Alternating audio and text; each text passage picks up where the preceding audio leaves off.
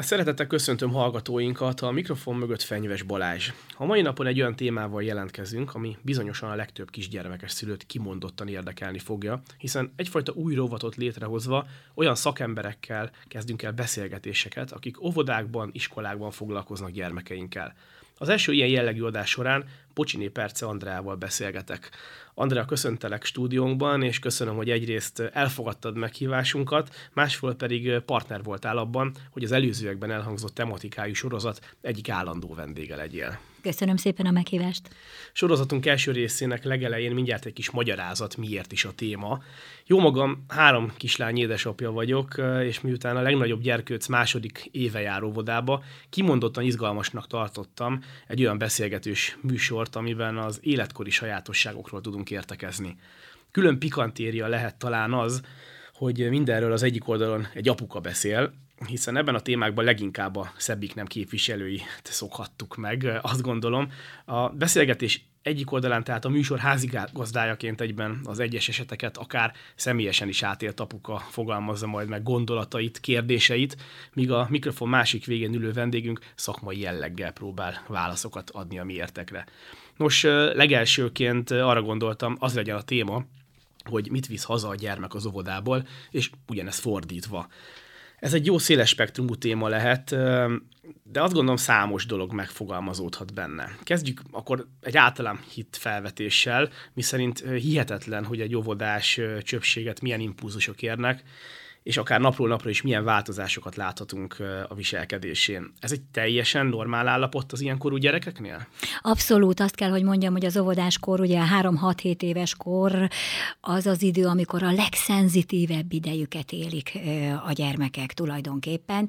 Rengeteg, rengeteg impulzus, rengeteg inger éri a mindennapok során, és ez a 21. században még felfokozottabb ebben, az, ebben a a világban. Az is közérdekű gondolat, hogy az óvodáknak azért is van pozitív hatásuk, mert a gyerekek itt tanulják meg a közösségi normákat, majd ezeket is viszik haza. Mennyire kiküszöbölhetetlen az, hogy az ebben tapasztaltak terén ugyanúgy pozitív és negatív hatásokkal is találkozhatunk?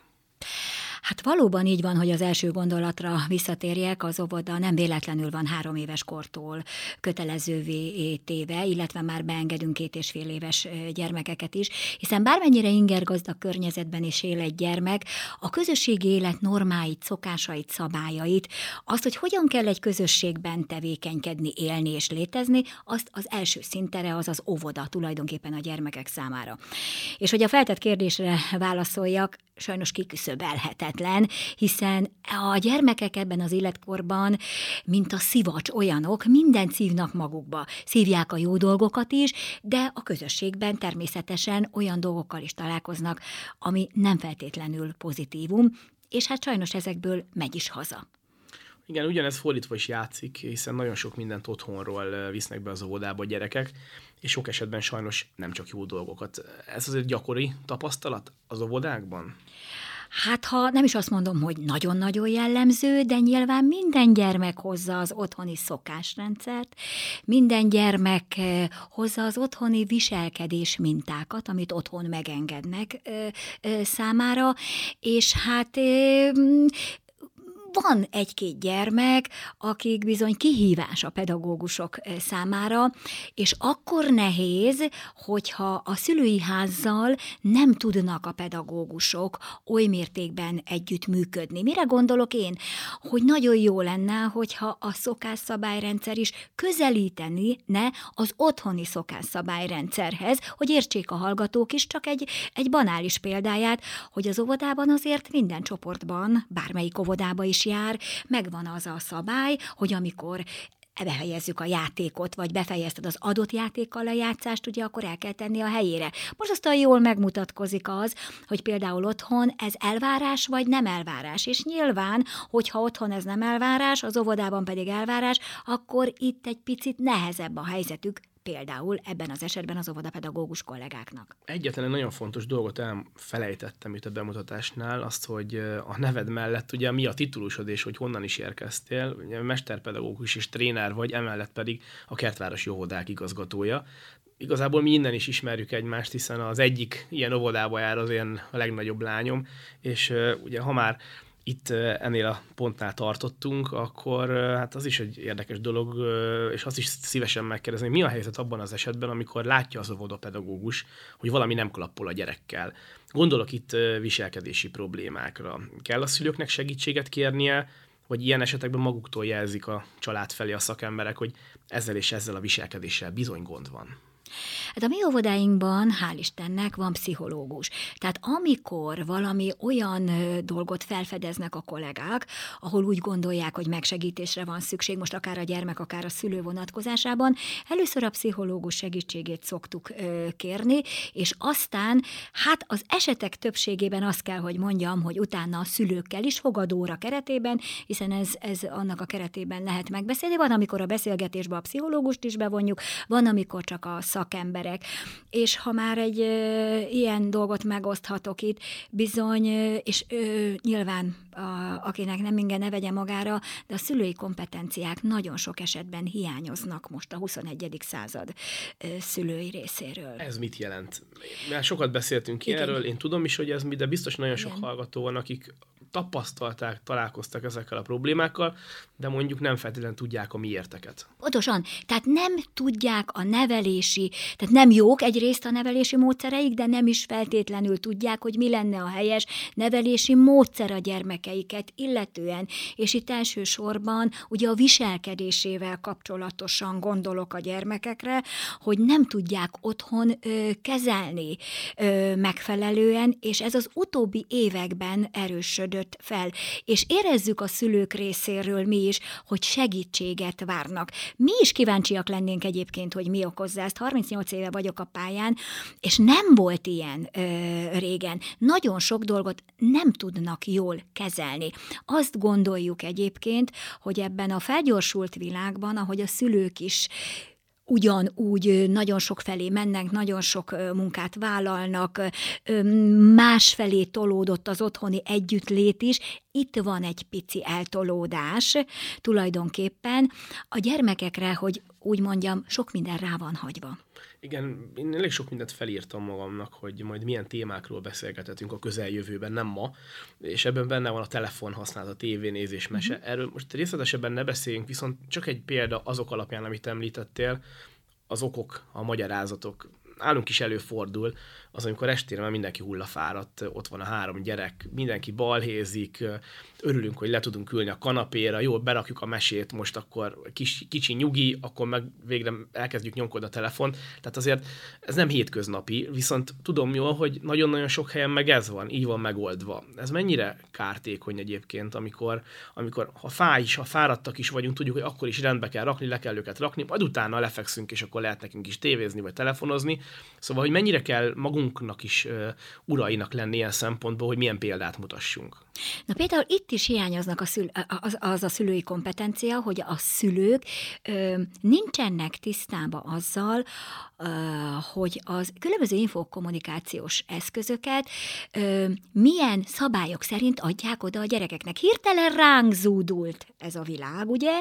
És én sem vagyok ellene, mert hát itt élünk ebben, ezt látja a gyermek, ö, de azért a szülőket meg kell segíteni, mi is ezt vesszük észre, megtanítani őket, hogy ők is állítsanak el egy szabályt otthon. Mikor, kivel, meddig, mit néz a különböző ö, eszközökön, és hát tulajdonképpen azért sem zárható ki, mert nagyon sok szülő sem gyakorol önkontrollt a gyermekük körében sem.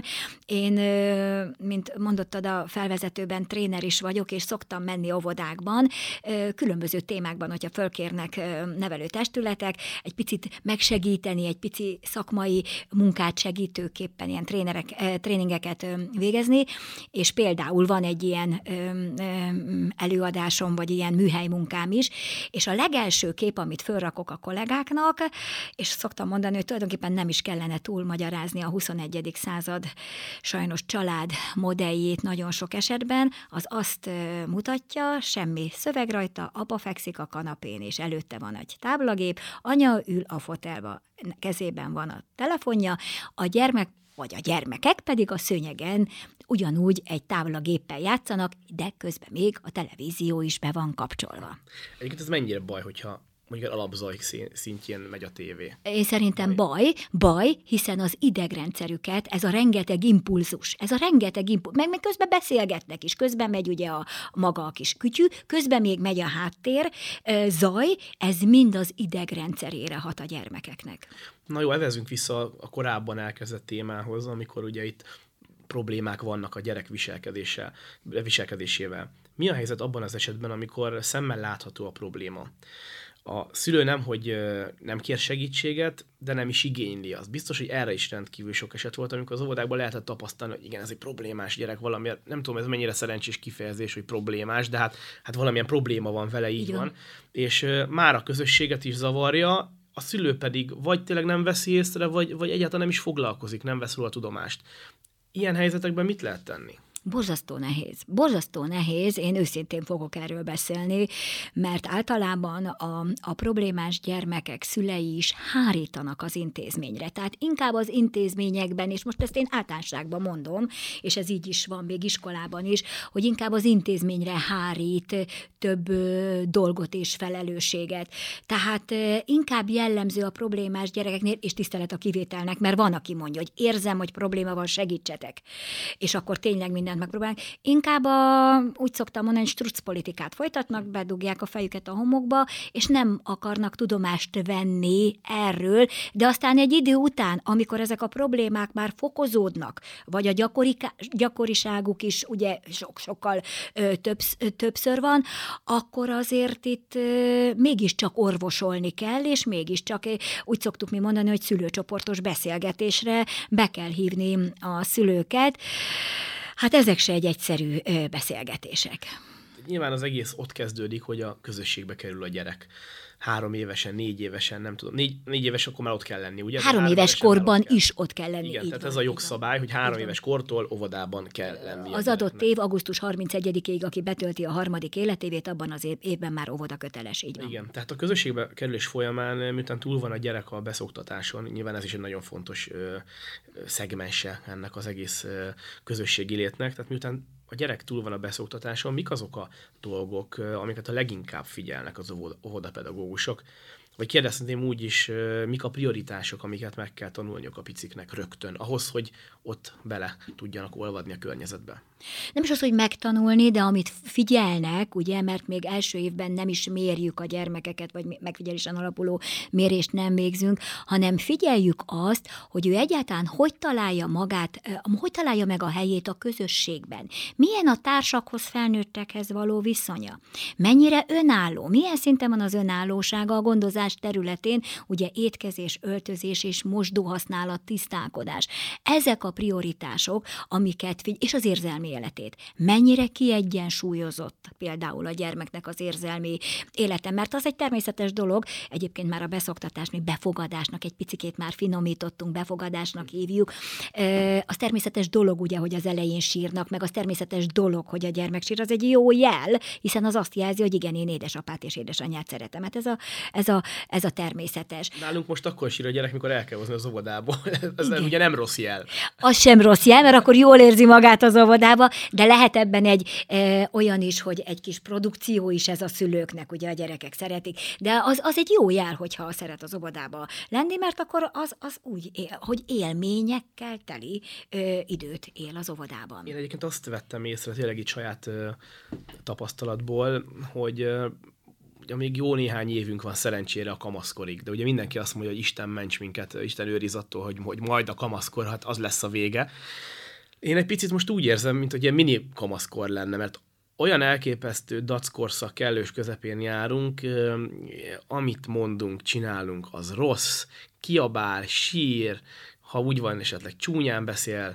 Tehát, hogy én nem tudom, hogy, hogy ezzel mit lehet kezdeni. Ez annak a következménye, hogy igen, ő most belekerült egy új közegbe, nyilván ellesi a gyerekektől a különböző praktikákat, ami a rossz viselkedés kapcsán van, vagy, vagy ki hogy beszél a szüleivel, milyen balhét csinál. Hát nem tudom, nálunk most a nagyobbik lányjal folyamatos a csata, és ha már az előbb említetted, hogy a szülő sokszor nem meri kérni a segítséget, komolyan mondom, hogy mi azon gondolkoztunk, hogy megkérdezünk egy szakembert, nem azért, mert bolond lány, hanem azért, hogy hogyan kezeljük ezeket a problémákat, mert, mert tehát annyira rossz vele veszekedni, na, hát egy kis aranyos kis kislány, és, és mégis veszekedni kell vele.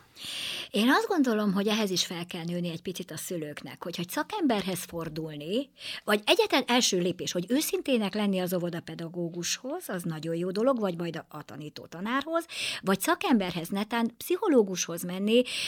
Én is találkoztam már azzal a véleménnyel szülők körében, hogy hát miért? Hát, hát mi baja van az én gyerekemnek? Hát normális az én gyerekem, hogy pszichológus. A pszichológus sokszor ugye sok esetben még összetévesztik a pszichiáterrel is. Hát ez a sztereotípia, hogy az már én sem úgy gondoltam, hogy elvenni egy kezelése, hanem csak azt, hogy megkérdezni a praktikákat, hogy mit ajánl pontosan, ilyenkor. Pontosan, tehát ezeket le kellene vetkőzni a társadalomnak is egyébként, hogy pszichológushoz menni, vagy pszichológus tanácsát kérni, az, az nem egy főben járó bűn. Egyébként én mindig azt szoktam mondani, van egy kedvenc mondatom az oroszlán királyból, nézz a dolgok mögé. Hm. Nem biztos, hogy éppen csak az lehet a problémája a nagyobb gyermeknek is, hogy csak bekerült egy új közösségbe, és szed össze ott bizonyos viselkedési mintákat, mert láthat pro-kontra, ugye jót is és rosszat is.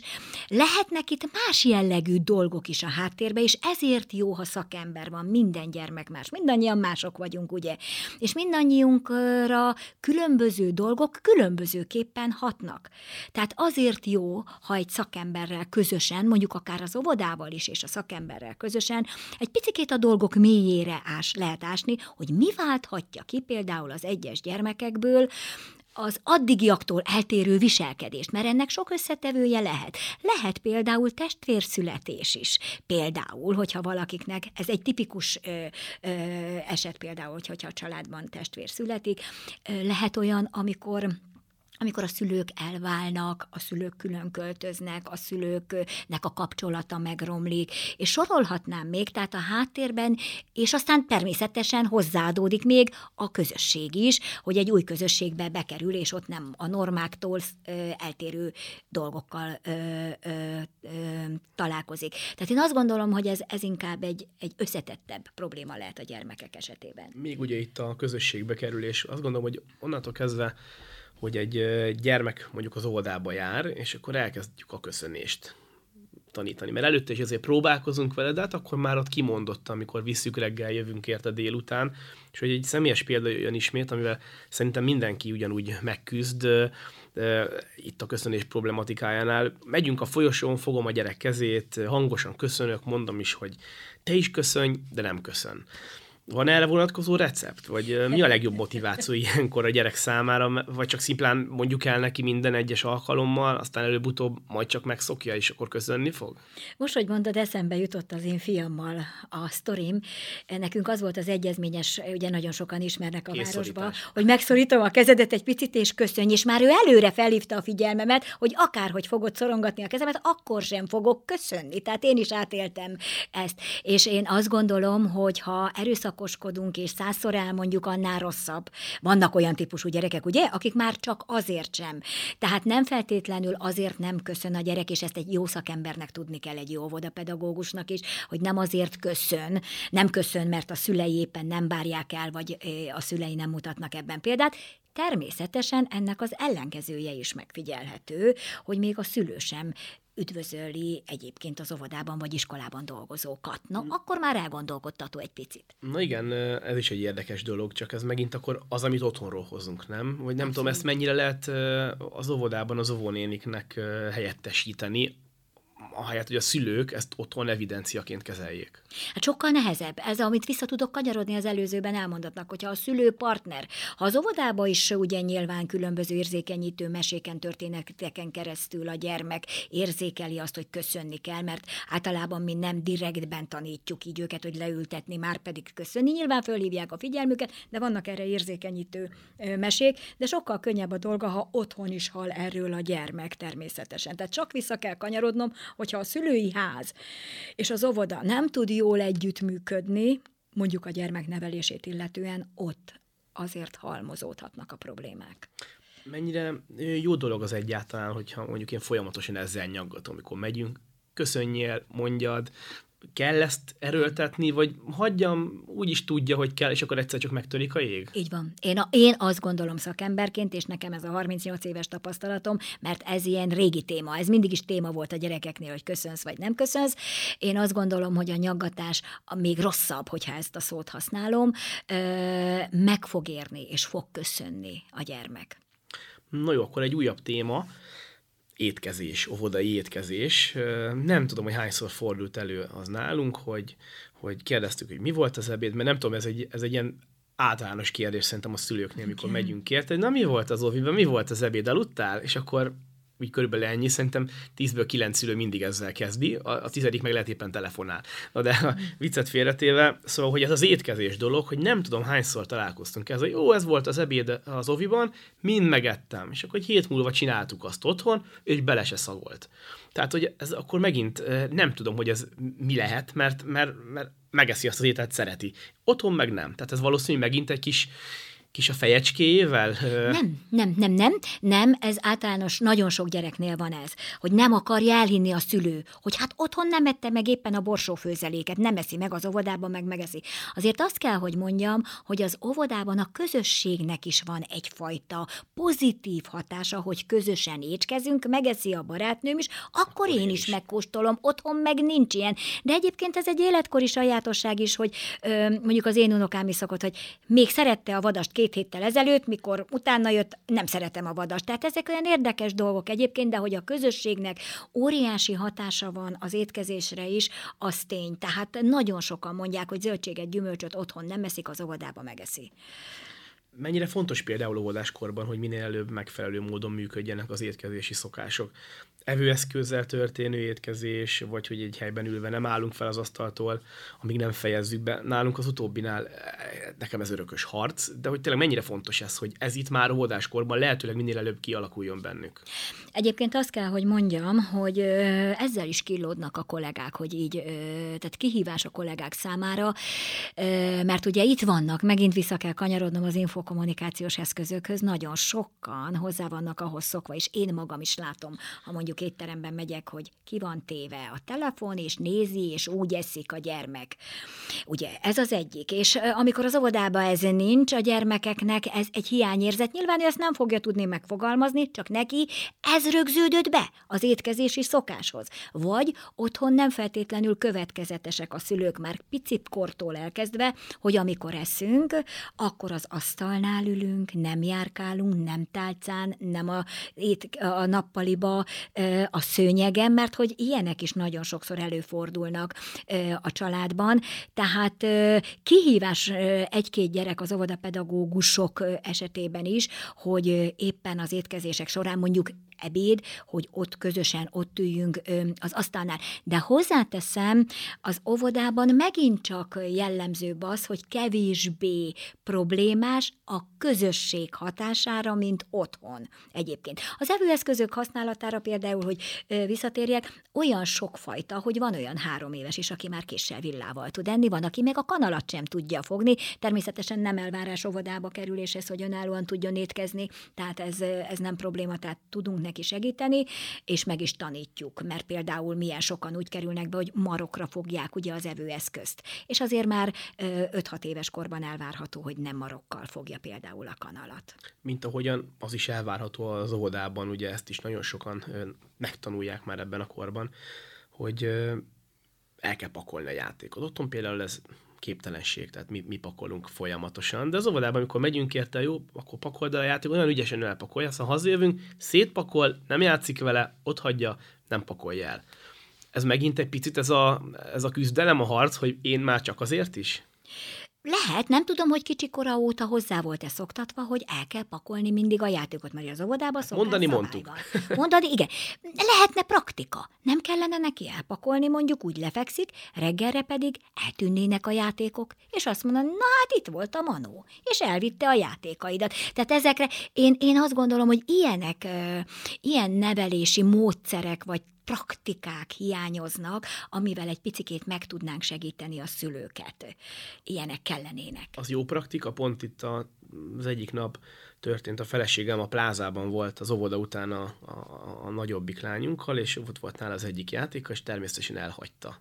És hazajött, és nekem valamiért jött egy ilyen szikra, hogy na akkor most látod, ezért nem visszük el a játékokat ide meg oda, mert elvesznek. Jó, akkor többet nem viszem. Tehát, hogy, hogy hopp, akkor úgy tűnt, hogy meg is van oldva, de nyilván a puding próbálja az evés, szóval majd, ha legközelebb el akarja vinni, akkor megpróbálom ezt, de ez például egy működő taktika Én azt lehet? gondolom, hogy igen, és pont tegnap volt az a pedagógusokkal egy értekezlet, és most a mi körzetünkben úgy döntöttünk, hogy egy kicsit, hogy úgy mondjam, beszabályozzuk ezt a játékbehozatalt is. Abszolút kellemetlen, amikor az óvoda pedagógusnak is keresni kell kicsi műtyűr játékokat, meg egyébként is van elég játék a gyermekeknek, és mi most úgy döntöttünk, hogy nem kell oda minden nap játékot hozni, minden hónapban ki lesz, és van már egy óvoda, ahol már több éve ez működik, tehát működő, van úgy mondjam, jó gyakorlat ezzel kapcsolatban, és minden hónapban lesz egy kütyünap, úgy fogjuk hívni, na akkor hozhatod a játékokat. Mert nyilván szeretne megmutatni játékokat, de valóban így igaz, hogy nagyon kellemetlen, amikor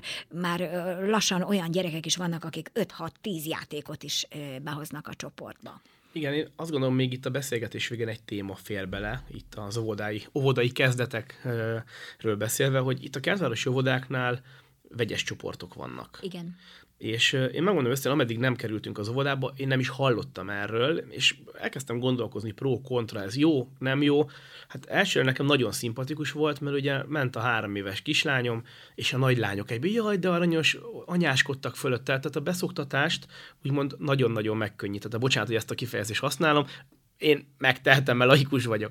Szóval, hogy ez nagyon jó volt. Viszont ugye az érem másik oldala, hogy olyan is előfordult, amikor a nagyobb lány ö, csúnyán viselkedett, és azt látta, és azt gondolta, hogy ez a normális, mert ő a nagyobb mik az előnyei és a hátrányai, hogyha itt nagyon röviden összegeznénk ezeknek a vegyes csoportoknak?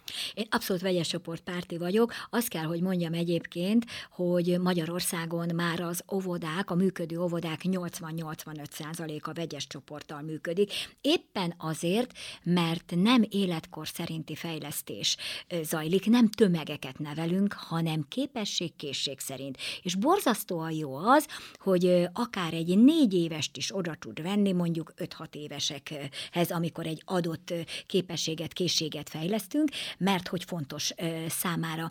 A vegyes csoportokkal nagyon sok félelmei vannak a szülőknek, azt kell, hogy mondjam, el kell menni, meg kell tapasztalni. A vegyes csoportban akár, mint ahogy mondtad, a beszoktatás, ha már én is ezt a szót használom, sokkal könnyebb, de ott vannak a nagyobbak, akik nyilván lehetnek negatív modellek is, de általában pozitív mint a példaképet, modellet, modellt mutatnak a gyermekek számára, és még egyszer mondom, a vegyes csoport a képesség, készség fejlesztése szám, szempontjából a leghatékonyabb és a legfontosabb, nem éri meg kudarcként a gyermek, ha tiszta csoportba jár, és nóta benne nem megy iskolába, hiszen ugyanabban a csoportban marad, nem is tudja, hogy ő nem mehetett iskolába. Azt gondolom, még hosszasan lehetne beszélgetni erről a témáról, mint ahogyan fogunk is a jövőben. Bocsini Perce Andreának, a Kertvárosi Óvodák igazgatójának köszönöm a szakszerű válaszokat, önöknek pedig a figyelmet, Fenyves Balást hallották.